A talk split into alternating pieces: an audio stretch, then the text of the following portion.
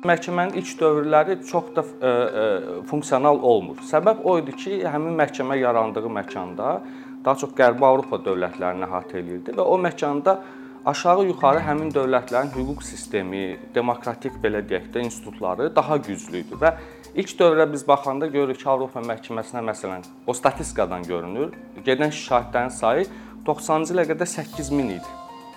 Ancaq 2000 bu günə qədər olan saylar artıq məhkəmə baxışında olan işlərin sayı 153 mindir.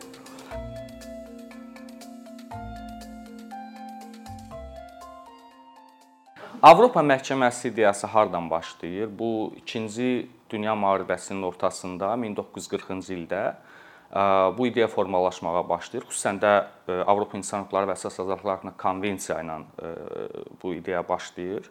Çünki onun bir mexanizmi idi, icra mexanizmi idi məhkəmə. 40-cı ildə bu konvensiya niyə yaranır? Yəni bu bu söhbətlər dövlətlər arasında niyə müzakirə olunur? Ona görə ki, bu baş verən 1-ci dünya müharibəsi və 2-ci dünya müharibəsinin ortasında bu insan fəlakətləri çox ağır idi və qərar verilir ki, bundan sonra insanların hüquq və azadlıqları imkan vermək olmaz ki, dövlətlər tərəfindən pozulsun və onu pozan şəxslər cəzasız qalsın. Yəni bir növ ümumi ideyanın, ümumi ə, ə, məhkəmənin və ümumiyyətlə həmin o alətin Avropa İnsan Hüquqları Konvensiyasının arxasında duran ideya bax burdan qaynaqlanırdı. Və 40-cı ildən artıq bu ideya formalaşmağa başlayır. Daha sonrakı prosesdə artıq konvensiya qəbul olunur. Konvensiyadan sonra isə məhkəmənin mexanizmi formalaşdırmağa başlayır ki, bu orada təsbit olunan insan hüquq azadlıqları məhkəmə vasitəsilə qorunmasını təşkil eləsinlər. Və konvensiya yarananda e, bir də onu nəzərdə tuturdular ki, dövlətlər təkcə insan hüquq azadlıqlarını pozmaq yox, həm də dövlətlərin üzərinə öhdəçilik qoymaq lazımdır ki, onlar bu hüquq və azadlıqları qorusun. Bir növ pozitiv öhdəçiliklər qoyurlar dövlətlərin üzərinə ki, burada ikili məqsədə də çatmağa çalışırdılar. İnsan hüquq və azadlıqlarının Avropa məkanında e, maksimum standartın yuxarı qaldırmaq idi məqsəd. Çünki hesab olunurdu ki, bu iki baş verən böyük faciənin arxasında duran bəs bu dövlətlərin belə uzurpator şəklində insan hüquq azadlıqlarının pozması idi. Daha sonra Avropa İnsan Hüquqları Məhkəməsi formalaşır bu konvensiya üzərindən və məhkəmə ancaq məhkəmənin ilk dövrləri çox da funksional olmur. Səbəb o idi ki, həmin məhkəmə yarandığı məkanda daha çox Qərbi Avropa dövlətlərini əhatə eləyirdi və o məkanda aşağı-yuxarı həmin dövlətlərin hüquq sistemi, demokratik belə deyək də institutları daha güclü idi və ilk dövrə biz baxanda görürük ki, Avropa məhkəməsinə məsələn o statistikadan görünür, gedən şahidlərin sayı 90-cı ilə qədər 8000 idi.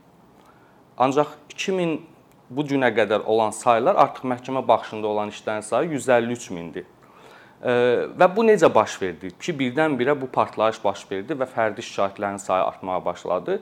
İlk dövrdə məhkəmənin strukturu üçlü struktur idi. Orda fəaliyyət göstərdi Avropa İnsan Hüquqları Komissiyası, Avropa İnsan Hüquqları Məhkəməsi və Avropa Avropa Şurasının Nazirlər Komitəsi. Oradakı Avropa İnsan Hüquqları Komissiyası bir növ filtrasiya rolu oynayırdı və dövlətlərlə e, və fərdlərin göndərdiyi şikayətlərə o baxıb qərar verirdi ki, bu iş qəbul olunandır yoxsa qəbul olunmazdır. Daha sonra rəy verirdi ki, bu iş məhkəməyə getsin və ya getməsin. Bu proses imkan vermirdi ki, fərdlər şahidlərini məhkəməyə birbaşa çatdırsınlar.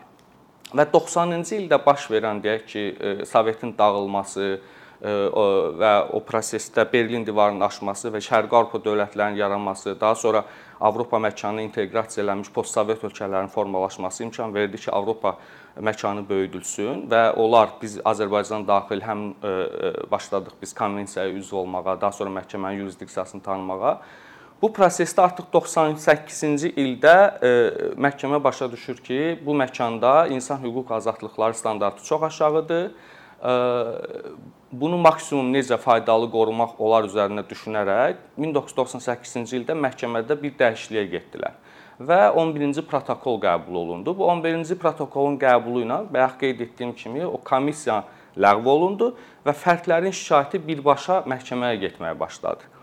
Bundan sonra artıq o şikayətlərin sayı sürətlə artmağa başlayır e, və məhkəmə görür ki, bu dəfə də bir problem çıxır ortaya. Saylar çoxaldıqca buna baxış sayı da artıq geriləməyə başlayır və 2000 12-də səhv eləmirəmsə 14-cü protokol qəbul eləyir məhkəmə ki, bu məhkəmə bu protokolu qəbul eləməklə bir növ şahidlərin sayını azaltmağa və e, bundan başqa daha effektiv icrasına nail olmağa çalışır. Fokusu daha çox qoyur onun üzərinə ki, biz necə eləyək ki, bunların effektivliyini artıraq. E, və bu prosesdə e, məhkəmənin iki deyək ki, hazırda fəaliyyəti istiqaməti formalaşır və əsas hədəfi nə olur? Burada bir biz baxsaq məsəl üçün qərarların içinə məhkəmə adətən fərdin şikayətlərinin, pozulmuş hüquq azadlıqlarını tanımaq və onunla bağlı kompensasiya təyin eləməklə paralel, həm də ümumi tədbirlər adı altında bir fəaliyyəti də var məhkəmənin. Biz bu bir fərdlərin şikayətlərinə fərdi tədbirlər deyirik. Şikayətlərlə bağlı verilən qərarlarda çıxarılan o hissələr ki var, onlara fərdi tədbirlər deyirik İkinci isə ümumi tədbirlər nəzərdə tutulur. Bax bu ümumi tədbirlər məhkəmənin və mənim zənnimcə və hüquqşünasların zənnimcə ən, ən önəmli ə, e, funksiyasıdır məhkəmənin. Bu ümumi tədbir nəyi nəzərdə tutulur? Ümumi tədbir hər hansısa bir dövlətdə, poz o hüquq azadlıq pozulmuş dövlətdə baxırlar görək bu pozuntu sistematikdirmi, yəni davam edicidirmi? Ümumi hüquq sistemindənmi qaynaqlanır? Yəni tutalım ki, qanundanmı qaynaqlanır, qanunvericiliyin tətbiqi praktikasındanmı qaynaqlanır və yaxud da dövlətin ümumi siyasətindənmi qaynaqlanır bu? Və bu zaman məhkəmə deyək ki, həmin o fərdi şikayətlər vasitəsilə o ümumi e, e, problemi ortaya çıxardır və qərar verəndə də deyir ki, dövlətlərə bu problem həll olunmalıdır.